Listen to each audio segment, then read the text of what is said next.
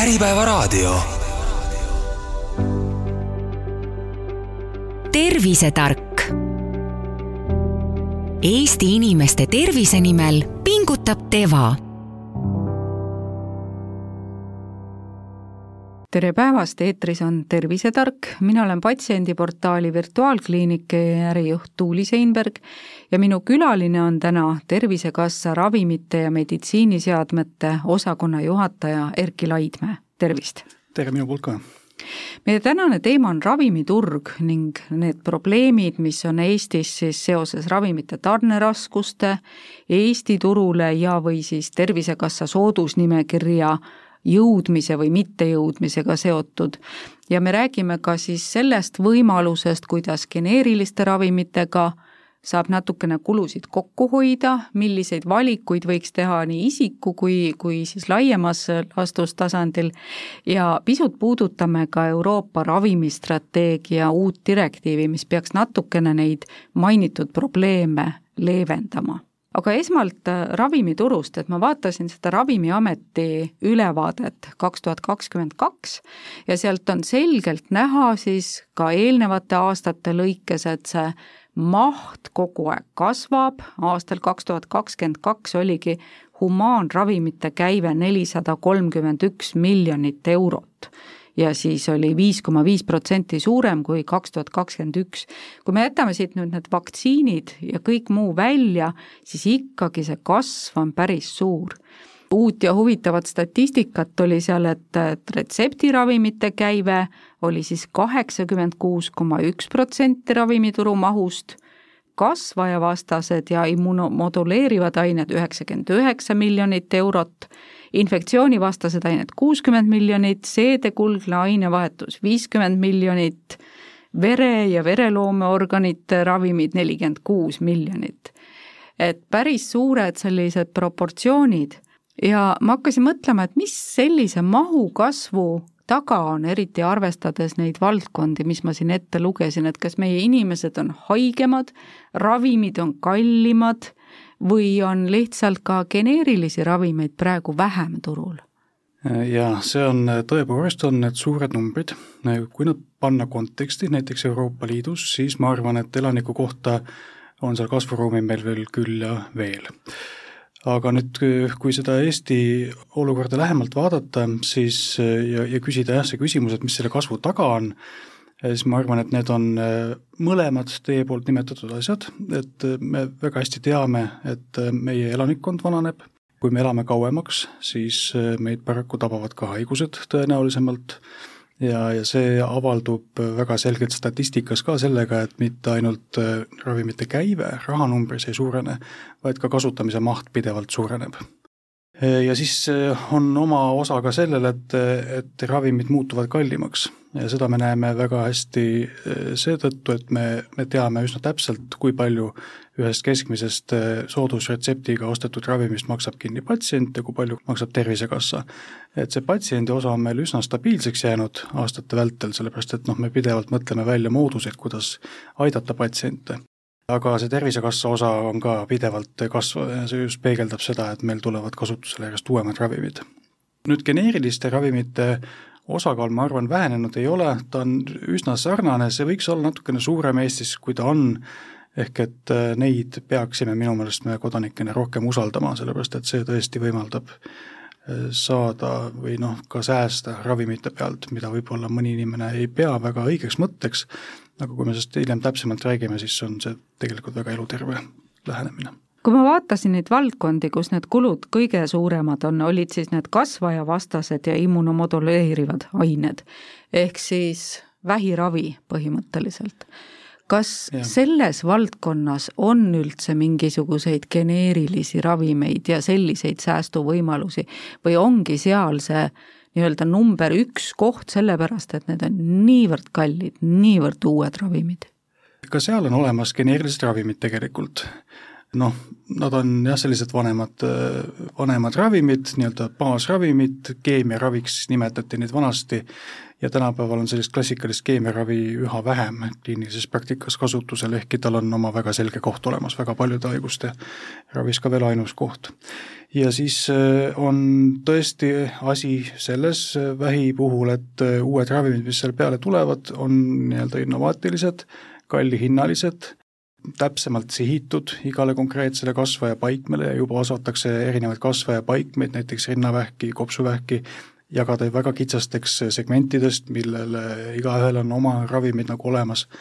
Ja, ja see siis toob ka selle kulude, kulude kasvu seal omakorda kaasa. Kui nüüd seda turule tuleku tempot vaadata, mis ravimid Eestisse jõuavad üldse, et kuidas seda sammu kommenteerite, et kas kiiremini, rohkem tuleb neid originaale või siis tuleb geneerilisi? mõlemad ravimid on vajalikud, mõlemad on oodatud. Äh, statistikat mul ei ole täna kaasas, mis ütleks, kumba rohkem tuleb, mõlemaid tuleb, äh, nendega tuleb tegeleda meie vaates natuke erineval viisil, äh, kuidas me need noh, nii-öelda ostame oma kodanikele, oma patsientidele. uute ravimitega tuleb hästi põhjalikult see ravim endale selgeks teha, see, see konkreetne meditsiiniline valdkond, mida see adresseerib, tuleb selgeks teha. Ja, ja saavutada siis kokkulepe ravimitootjatega, et, et mis on see mõistlik hind, mis on vastuvõetav meile ja vastuvõetav tootjale geneeriliste ravimitega on ta mõnes mõttes lihtsakoelisem, ehkki ka selles töös on omad nüansid. seal tuleb pigem vaadata, et toimuks selline eluterve konkurents selle erinevate geneerikute vahel ja ja, ja sedasi läheneda neile enne kui me natukene veel täpsemalt räägime nendest geneerikutest ja originaalidest ja nende vahest, ma küsin ka seda, et mainisite seda retseptiravimite siis patsiendi kulu ja Tervisekassa kulu. ja tihtipeale inimestel ongi siin segadus sellega, et nad ei kujuta ette, kui suur see ühe ravimi kulu võib olla. kui inimene ostab oma igakuise ravimi välja, maksab selle eest kaks eurot ja mõtleb, et äkki nii ongi kuidas, kuidas tegelikult on, mis need hinnad tegelikult on, mis Tervisekassa kannab? jaa, õige tähelepanek, ma kutsun üles inimesi vaatama, kui nad saavad apteegist oma ravimi kätte, siis küsige ka tšekk kaasa ja selle tšeki peal tavaliselt on kirjas, et kui palju ravim tegelikult maksab, kui palju maksab Tervisekassa ja kui palju patsient. ja kui me toome nüüd sellest samast vähivaldkonnast näite, siis äh, tõepoolest inimene saab apteegist oma näiteks kaks pakki ravimit, mis tal kaheks kuuks vaja on, äh, ja ta maksab selle eest kaks viiskümmend, sellepärast et äh, valdav osa vähiravimeid on sajaprotsendiliselt meie poolt kompenseeritavad, ehk inimesele jääb ainult see kohustuslik omaosalus, kaks viiskümmend, retseptitasu, aga ravim ise taustal ei ole enam üldse haruldane, kui maksab näiteks kolm tuhat eurot pakk või, või viis tuhat eurot pakk, et, et soovitan vaadata ja siis te saate aimu, kui palju tasub Tervisekassa ja kui palju jääb teile kanda. Jah, see välistab ka selle, et küsitakse, et huvitav, et kuhu siis see Tervisekassa raha läheb, eks ole? just nimelt jah, inimesed äh, ei kujuta ette tõesti, kui noh, võib ju mõelda, et meie eelarve on kaks miljardit, et kuhu see läheb ja sealt peab üle jääma aga võin teile kinnitada, et sealt on pigem pidevalt puudu, sellepärast et soovid ja vajadused meditsiinis liiguvad eest ära pidevalt sellel, kui palju meie maksumaksja on nõus nagu panustama rahaliselt siis Tervisekassasse. kas need käärid ka suurenevad ajas, et see, mis on vajadus ja see, mis on meie riigi võimalused, me oleme väike riik? eks need käärid on pidevalt olnud ja aeg-ajalt on siis äh, ka, ka mõeldud äh, Riigikogu ja, ja, ja valitsuse poolt, et kuidas me seda olukorda lahendame ja on ju ka vastu võetud otsuseid, noh näiteks äh, viimatine suur ja oluline otsus oli see, et et riik hakkab ka pensionäride eest tasuma nii-öelda ravikindlustusmaksu ja see oluliselt jällegi vähendas seda lõhet aga kui me tulevikku vaatame, siis minu finantsosakonna kolleegid on selle kenasti välja arvutanud, et, et seal need käärid paistavad päris suured ka järgnevatel aastatel siiski paraku nii on, aga nüüd tuleme tagasi selle juurde, mis inimesed saavad ise ära teha, et neid kääre natukenegi vähendada, seda ravikulu siis vähendada nii enda rahakotis kui, kui riigi rahakotis, ehk siis geneerilised versus originaalid. et nendega on ikkagi nagu selliseid eelarvamusi seotud, et äh, originaal on parem ja geneerik on noh, hea küll, et hädapärast ma siis ostan, kui raha on vähe nojah, minu vaatest on see väga selge ja kahetsusväärne selline väärarusaam, aga, aga ma olen nõus sellega, et see on levinud teatud äh, inimeste seas ja võib-olla jah, see taust on seal tekkinud sellest, et neid on ajaloos nimetatud ka koopiaravimiteks ja, siis, kui me mõtleme, ma ei tea, näiteks maalikunsti peale või midagi, siis on, kohe tekib pilt ette vahvast originaalist ja siis sellest õnnetust koopiast. Et ravimitega on olukord teisiti, et seal selliseid võrdluseid tuua ei saa. Ja mina, mina olen spetsialistina sada protsenti veendunud, et geneerilise ravimi kvaliteet ei jää mitte kuidagi alla originaalravimi kvaliteedile ja ja, ja tundes natukene ka seda tööstuse köögipoolt, siis ma võin ka öelda, et ei ole haruldased juhtumid, kus ka originaalitootja ja geneeriku tootja saavad oma nii-öelda toimeaine ühest ja samast allikast tegelikult lõppkokkuvõttes. Ja panevad nad lihtsalt erineval moel tabletti ja teevad erineva karbi sinna peale. Mitte mingit põhjust ei ole arvata, et, et geneerik oleks kuidagi ebakvaliteetsem. ja selle garantii on veel ka see, et äh, nii geneeriliste ravimite tootjad kui ka originaalravimite tootjad alluvad täpselt samasugusele järelevalvele, mida teevad riikide ravimiametid, ehk et äh, kõik on sama üks võib-olla murekoht, mis inimestel võib ka pähe tulla, on see, et geneerilised tulevad turule teatud sammuga kas oli vist kümme aastat, kui ma ei eksi, siis läheb see patent vabaks ja saab hakata geneerilisi tootma. ehk tänapäeva tehnoloogia, ka ravimitehnoloogia areneb ju nii tohutu kiirusega, et kas see geneerik juba selleks ajaks vananenud ei ole? Tõepoolest on niimoodi, et kui ravim välja töötatakse, siis talle võetakse patent ja noh, tüüpiliselt ongi see umbes jah, kümme aastat on see aeg, millal ta on patendiga kaitstud. Ja, ja hästi sageli juhtubki see, et, et see ravim läheb kasutusest ära, aga on ravimeid, mis jäävad pikaks ajaks, mis on eriti õnnestunud ja noh, tõelised edulood, sellised ravimid. Ja neid õnneks on olemas, nende mahud on seetõttu ka suured, et nad on nii head ja, ja neile ikkagi, kui see geneerika kümne aasta pärast tekib, on täiesti olemas veel kasutajaskond, mis annab siis selle, selle säästu nii patsiendile kui maksumaksjale, et äh, on olemas äh, ravimeid, mis püsivad arstide arsenalis kolmkümmend, nelikümmend aastat, nii et, et see kümme aastat ei olegi väga ehk seda, seda ei tasu karta, et nüüd saad mingit nii-öelda aegunud, vananenud kraami, mis tegelikult ei toimi ka, vaid et toimeained on kõik tagatud sellel, mis turule jõuab ja apteeki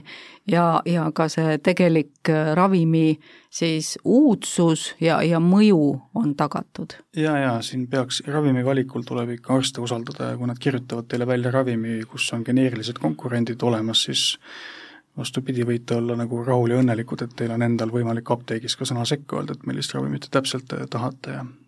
nüüd nendest soodusravimitest veel, et äh, me põgusalt siin puudutasime seda, et kui suure osa tegelikult Tervisekassa hüvitab. Ja nüüd suures plaanis vaadata, siis soodusravimid moodustavadki üle üheksakümne protsendi tegelikult retseptiravimite käibest.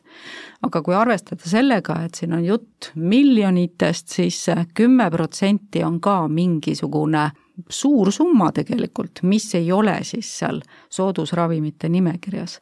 ja samamoodi on natukene sellist teadmatust selles osas, et kuidas siis need ravimid sinna jõuavad üldse ja natukene ka müüte siis ravimite hinnastamise osas.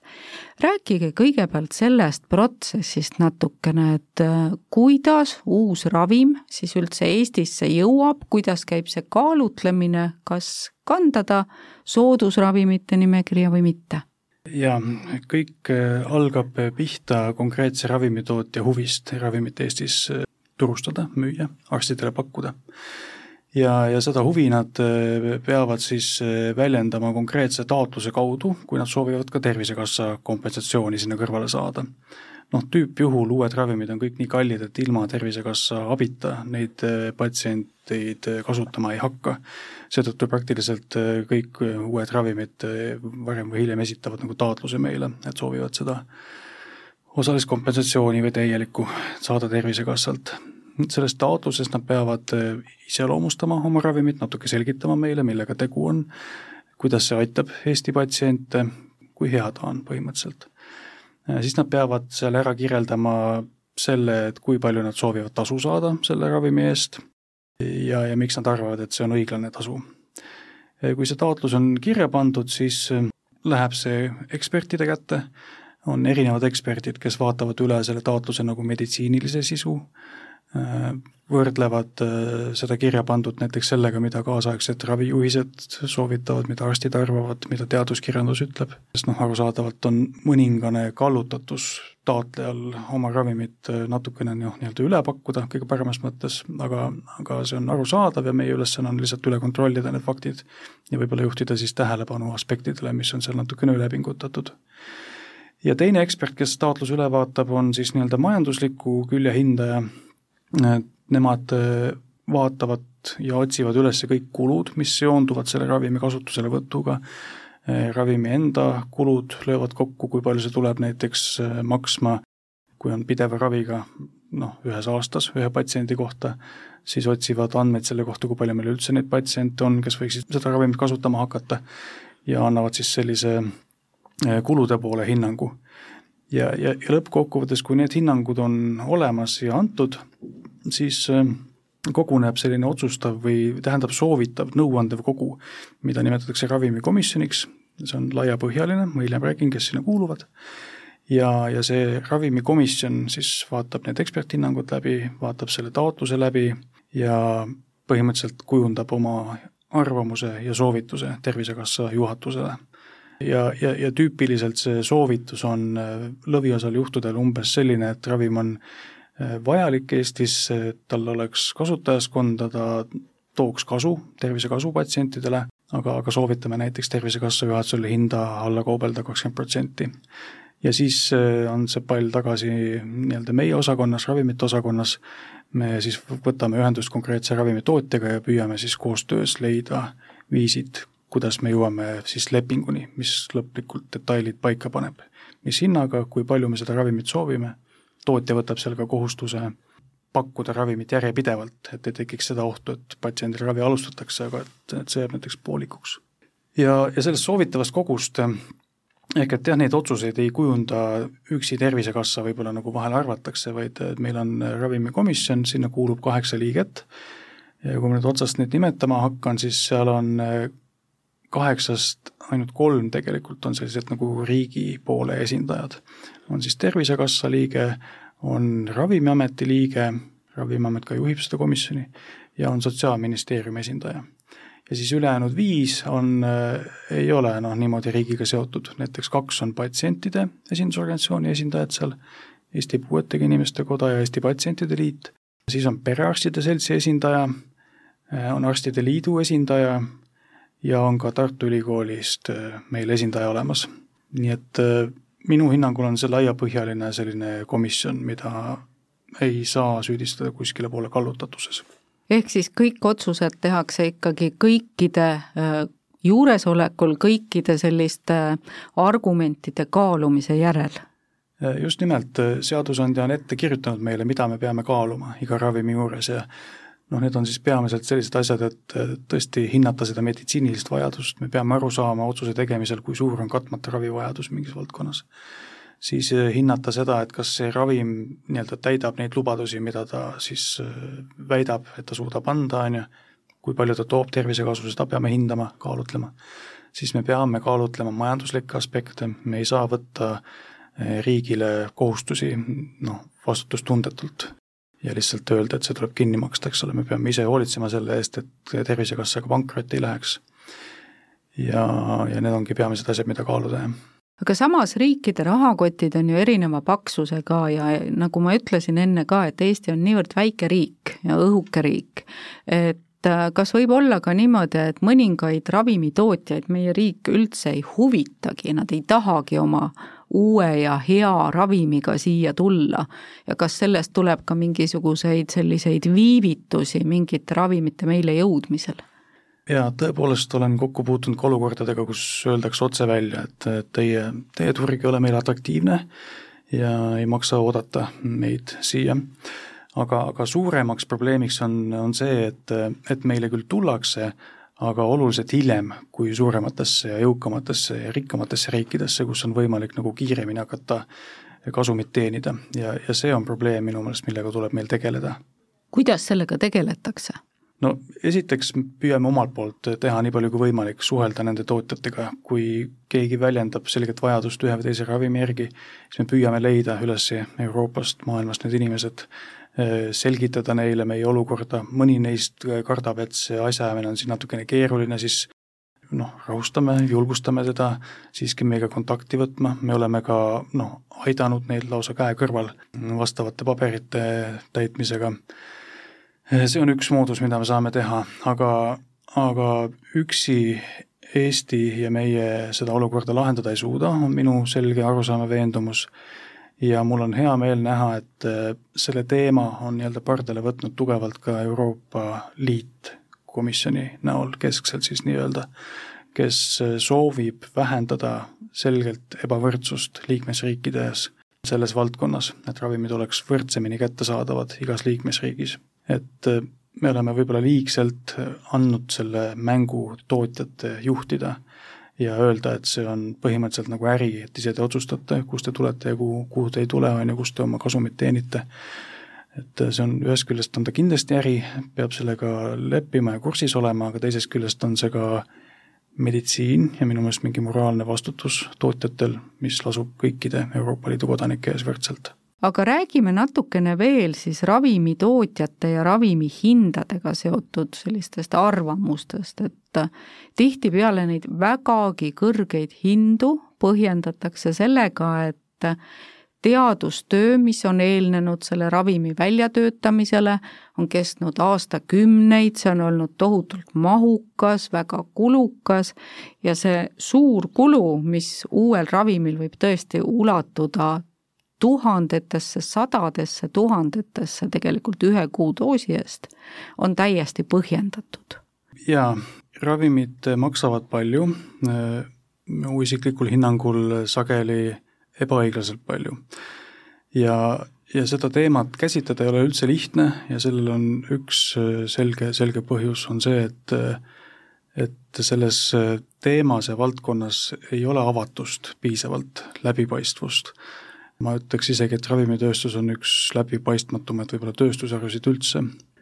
me ei tea tegelikult täpselt, ei ole võimalik eh, leida kuskilt andmeid, kui palju ühe või teise ravimi juures on tehtud sellist arendustööd, mis, mis summade eest. on selliseid eh, üldiseid eh, hinnanguid avaldatud, et, et kui palju on ravimitootjatel üks või teine kulurida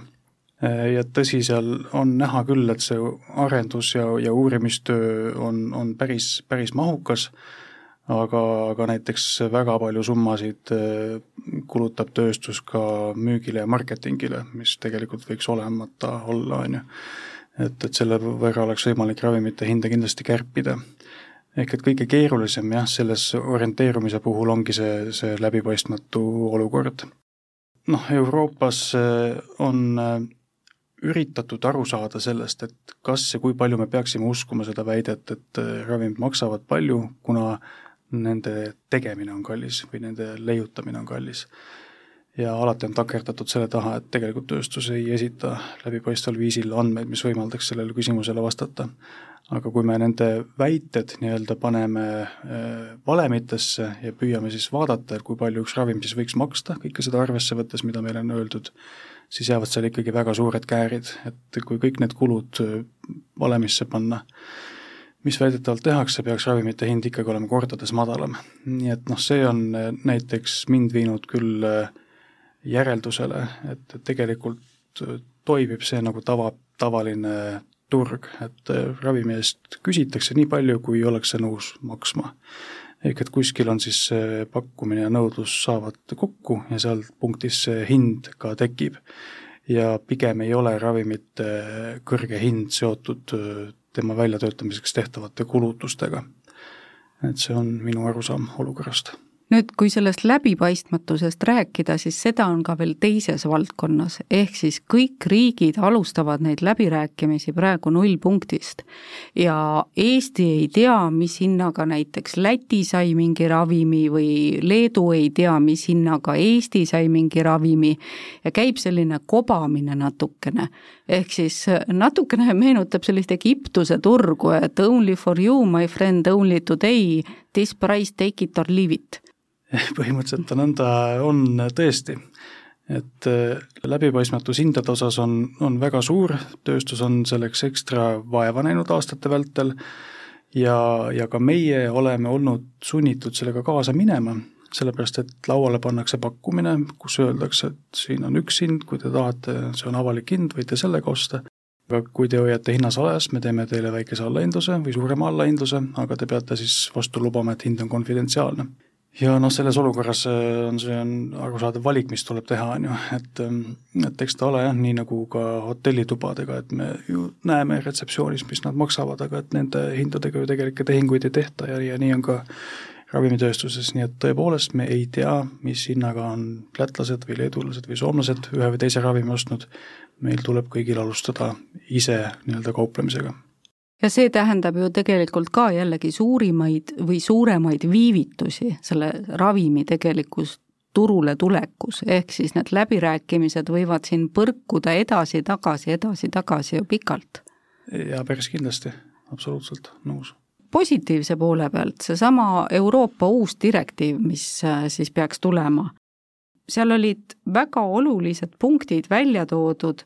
ja üks nendest oli see, et tagada kõigis Euroopa Liidu riikides taskukohaste ravimite kättesaadavus. ja seesama läbipaistmatus siis peaks natukene läbipaistvamaks muutuma.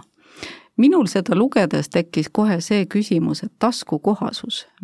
me juba rääkisime, et riikide taskud on erineva paksusega ja rahakotid erineva paksusega, kelle tasku järgi siis seda nüüd mõõtma hakatakse niimoodi tsentraalselt Euroopas? jaa, nõus. no esiteks see taskukohasus, seal silmas peetakse nii patsienti kui ka ravikindlustusi, eks ole, ehk et eh, need kulud peavad olema vastuvõetavad siis eh, mõlemale poolele, võib-olla arvestades seda, et ravikindlustused nende eest tänapäeval isegi rohkem maksavad, siis eelkõige riiklikele ravikindlustustele või riikidele jõukohasemaks muutuma on tõsi see, et meil on väga suured käärid selle vahel, kui palju üks või teine riik suudab panna või on otsustanud panna raha eh, meditsiini üldse. ja, ja kui me siis vaatame, kuidas veel, kui palju on nii-öelda elaniku kohta raha ravimitesse pandud, siis on näiteks statistikast jälgitav, et et Saksamaal on see summa kaks-kolm korda suurem kui Eestis ehk et ehm, noh, meil ei saagi olla võrdne kättesaadavus kõikide riikidega, suuremate riikidega võrreldes, eks ole. et mõnes mõttes on see nii nagu igas muus eluvaldkonnas, et me ju tahame igasuguseid asju, kaupu rohkem, kui meil noh, võimalusi selleks on, et et siinne konflikt tekib ja me peame arvestama sellega alati, et kui palju maksumaksja tegelikult meile raha on andnud selle töö tegemiseks ja et ega me rohkem neid ravimeid osta ei saa, kui palju on otsustatud riigis. nii et ma arvan ka seda, et kui see Euroopa Liidu reform kunagi jõustub täies ulatuses, siis äh, ei taga see mitte ühegi mehhanismiga täielikku võrdsust kõikide riikide vahel. Seda saaks tagada ainult juhul, kui see ravimite hankimise, ostmise valdkond võetakse üle Euroopas, rahastatakse keskselt ja jagatakse võrdselt igale riigile, aga sellest ei ole keegi isegi rääkinud, nii et see ilmselt ei juhtu. et riigid jäävad ise tegema otsuseid sõltuvalt sellest, kui palju neil raha on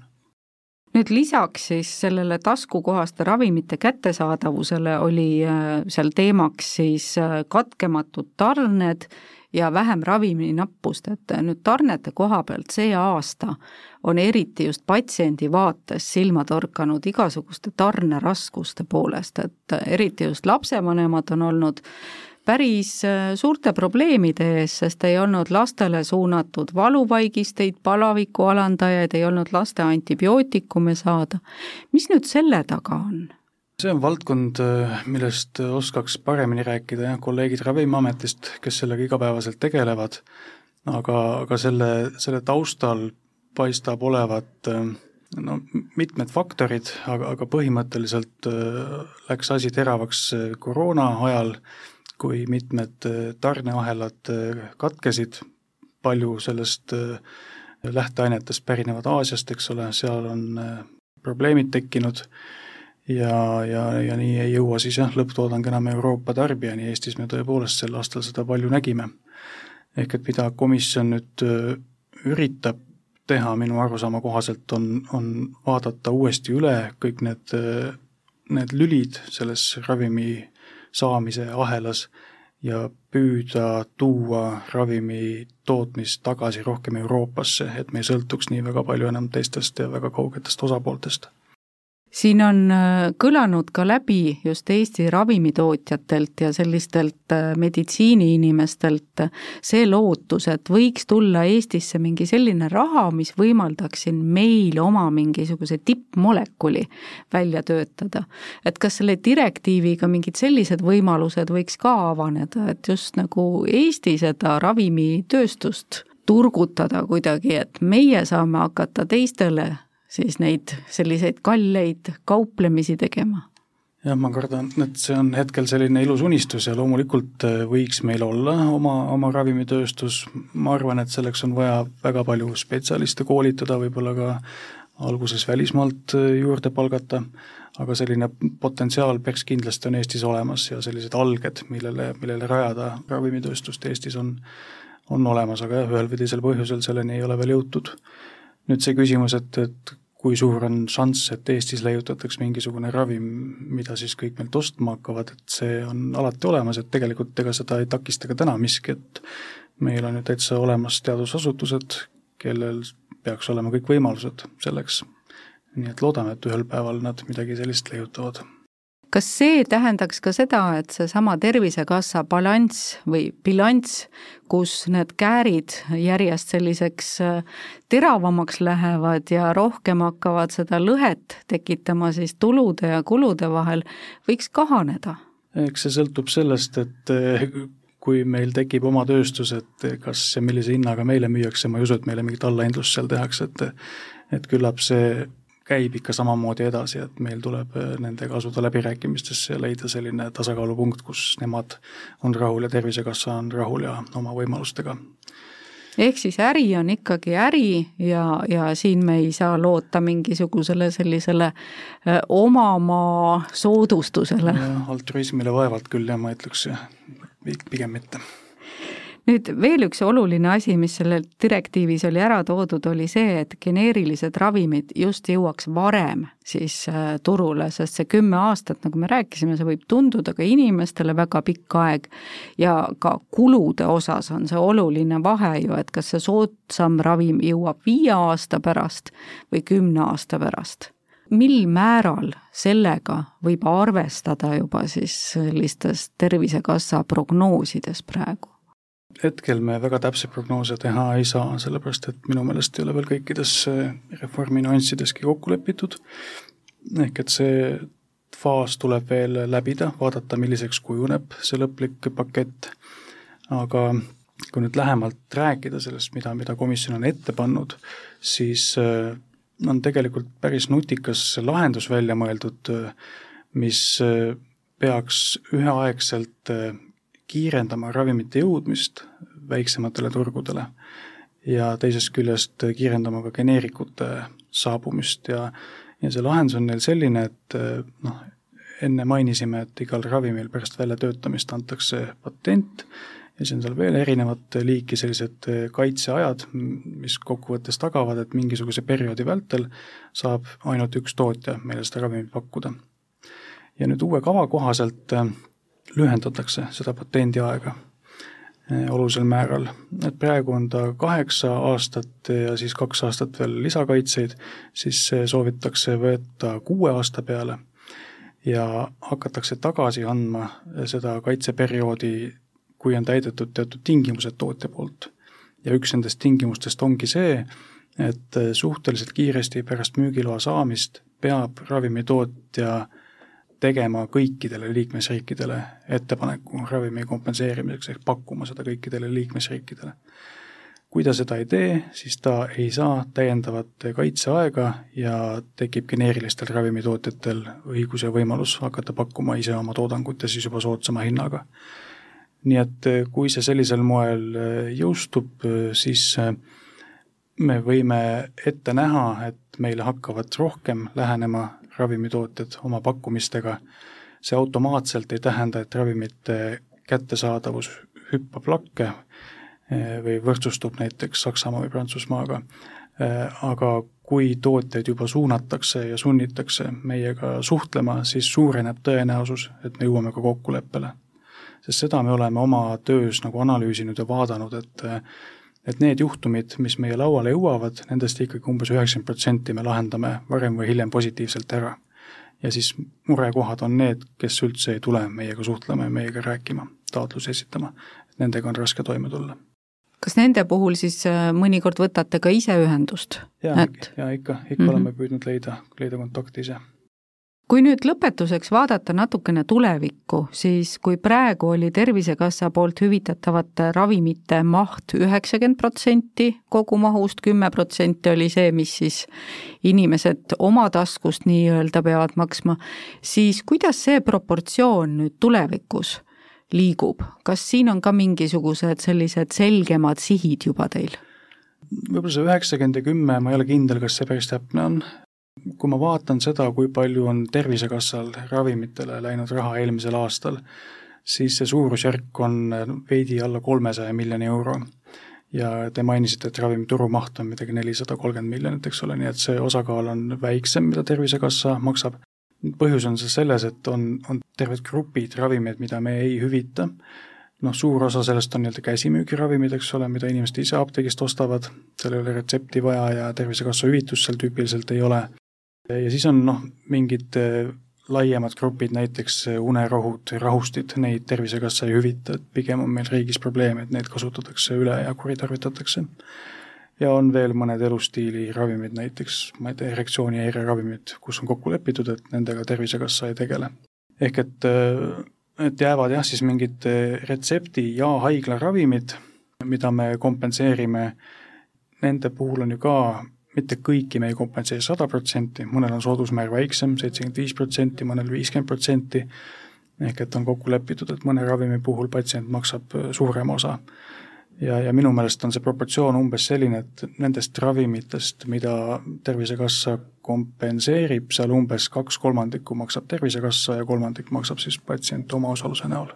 tulevikust veel, et ähm, need, mida ei kompenseeri Tervisekassa, seal on tihtipeale ka just sellised väga uued vähiravimid, et kõik need jõulutunneli kampaaniad, kus siis, või siis haruldaste haigustega inimeste ravimid, kus siis kogutakse annetusi sihtotstarbeliselt mingisuguse eriti haruldase kasvaja paikme jaoks, selle ravimiseks või siis mingi harvikhaiguse ravimiseks, et kas siin ei võiks olla ka lahendus seesama proportsiooni muutus, ehk et kui tõesti see ravim on nii väga kallis ja Tervisekassa tervikuna seda ei, lihtsalt see ei mahu eelarvesse, kui me rääkisime kõigest sellest, mis tegelikult te ju hüvitate, siis äh, kas võib olla niimoodi, et mingite osade kaupa siis kuidagi hakatakse siiski hüvitama? jah, need juhtumid, mida te mainisite, mida me siis äh, meedias saame jälgida, no nende puhul tüüp põhjus, miks nad ei ole Tervisekassa poolt kompenseeritavad, on see, et me ei ole veel oma läbirääkimistes kõiki osapooli rahuldava tulemuseni jõudnud. ja siis seal on mingisugune ajaperiood, mille puhul siis aitab seda rava, ravi rahastada siis üks või teine heategevuslik fond, see on tänuväärne töö noh, kui, kui mõelda, et kas on lahenduseks see, et Tervisekassa maksaks siis mingi väiksema osa alguses ja hiljem siis suurendaks seda osa, seda me oleme ka loomulikult mõelnud, noh esiteks ühest küljest on siin juriidilised piirangud, et me ei, ei saa kulusid jagada täna eh, kolmandate osapooltega, nagu näiteks heategevuslikud fondid, aga noh, sisuline põhjus on, on siin ka täitsa olemas. ja see on see, et eh, kui me maksaksime ainult väikese osa, näiteks eh, miljonilisest ravist, kakssada tuhat, siis jääb ikkagi sealt sedavõrd suur osa, et seda jõuavad katta vähesed patsiendid oma raha eest, kui üldse, on ju, ka heategevuslikud fondid jäävad seal varem või hiljem hätta, ehk et meil ei ole tagatud see, et patsiendid on võrdselt koheldud. noh, näiteks me teame, et meil on olemas spetsialiseerunud fond äh, vähihaiguse raviks, et kui me sellise rahastamisskeemi nagu heaks kiidaksime, siis äh, mõnes mõttes me hakkame eelistama vähihaigeid ja raha jääb sedavõrra natukene vähemaks kõikidele teistele haigustele, ehk et see ei taga sellist head eh, võrdset lähenemist, see on selle, selle murekoht selle lahenduse juures. ehk siis katla ühes servas ei saa keeta rammusamat suppi kui teises otsas, võiks selle kohta öelda? no see sobib siia suurepäraselt, ma arvan jah, see võrdlus positiivsed uudised, mis on hääd tulemas kaks tuhat kakskümmend neli, sest see ei olegi nii kaugel, et mis uued seadmed ja ravimid lisanduvad soodusnimekirja? Jaa, väga õige, et me positiivsest ka räägime, et esiteks ma tahan öelda, et Eesti ravimivalikul ei ole tegelikult suuremat häda midagi nagu ikka, kõike saab teha paremini, kõike võiks olla rohkem, aga kui me võrdleme näiteks ennast Läti või Leeduga, siis uute ravimite kättesaadavus on seal oluliselt kõrgem meil kui, kui, kui nendes riikides. ehk et äh, on päris hea valik ja kui rääkida arstidega sellises vabamas õhkkonnas omavahel, siis nad ütlevad ka, et tegelikult on asjad päris heal tasemel meil ja need puudujäägid on üksikud, aga noh, me teame, et see ju mulje kujuneb sellest, millest meedias räägitakse ja meedias paraku räägitakse positiivsest vähe et igal aastal siiski täieneb meie raviarsenal arstidel ja patsientidel mitmekümne uue ravimi võrra. kõikidest neist lihtsalt ei räägita, see on selline vaikne töö, mida me teeme, aga järjekindlalt me seda teeme. Ja seda me näeme ette juba ka järgmiseks aastaks, et me lõpetame hetkel läbirääkimisi väga-väga paljude ravimitootjatega ja, ja paistavad head ja positiivsed lahendused. noh, nagu ikka, juba saab ette ka öelda, et valdav enamus neist on seotud kasvajahaigustega, kuna noh, tööstuse fookus on selles, aga, aga mitte ainult, on ka nii-öelda tavaliste haiguste uusi ravivõimalusi. nii et tulekul on palju hääd, aga mis on teie suurim töövõit? no vot, ma ei, ühte ei tooks välja, siis ma kohe midagi justkui nagu reklaamiksin, mille ma eriti õnnelik olen, aga, aga on läbirääkimisi, mis on võtnud aastaid ja kui see ühel hetkel jõuab tulemuseni, siis selle üle on endal väga hea ja, ja terve meie meeskonnal on, on hea tunne ja me rõõmustame koos Eesti patsientidega nende võimaluste üle. suur aitäh saatesse tulemast ja palju edu siis Eesti patsientide eest seismast ja et oleks kaks tuhat kakskümmend neli väga positiivsete uudiste rohke aasta, ma loodan, nii patsientidele kui ka Tervisekassale ja me kõik oma otsustes saaksime teha natukene ära siis selleks, et need kulud ei kasvaks nii kiiresti ja tulud kasvaksid. aitäh! suur tänu teile ka!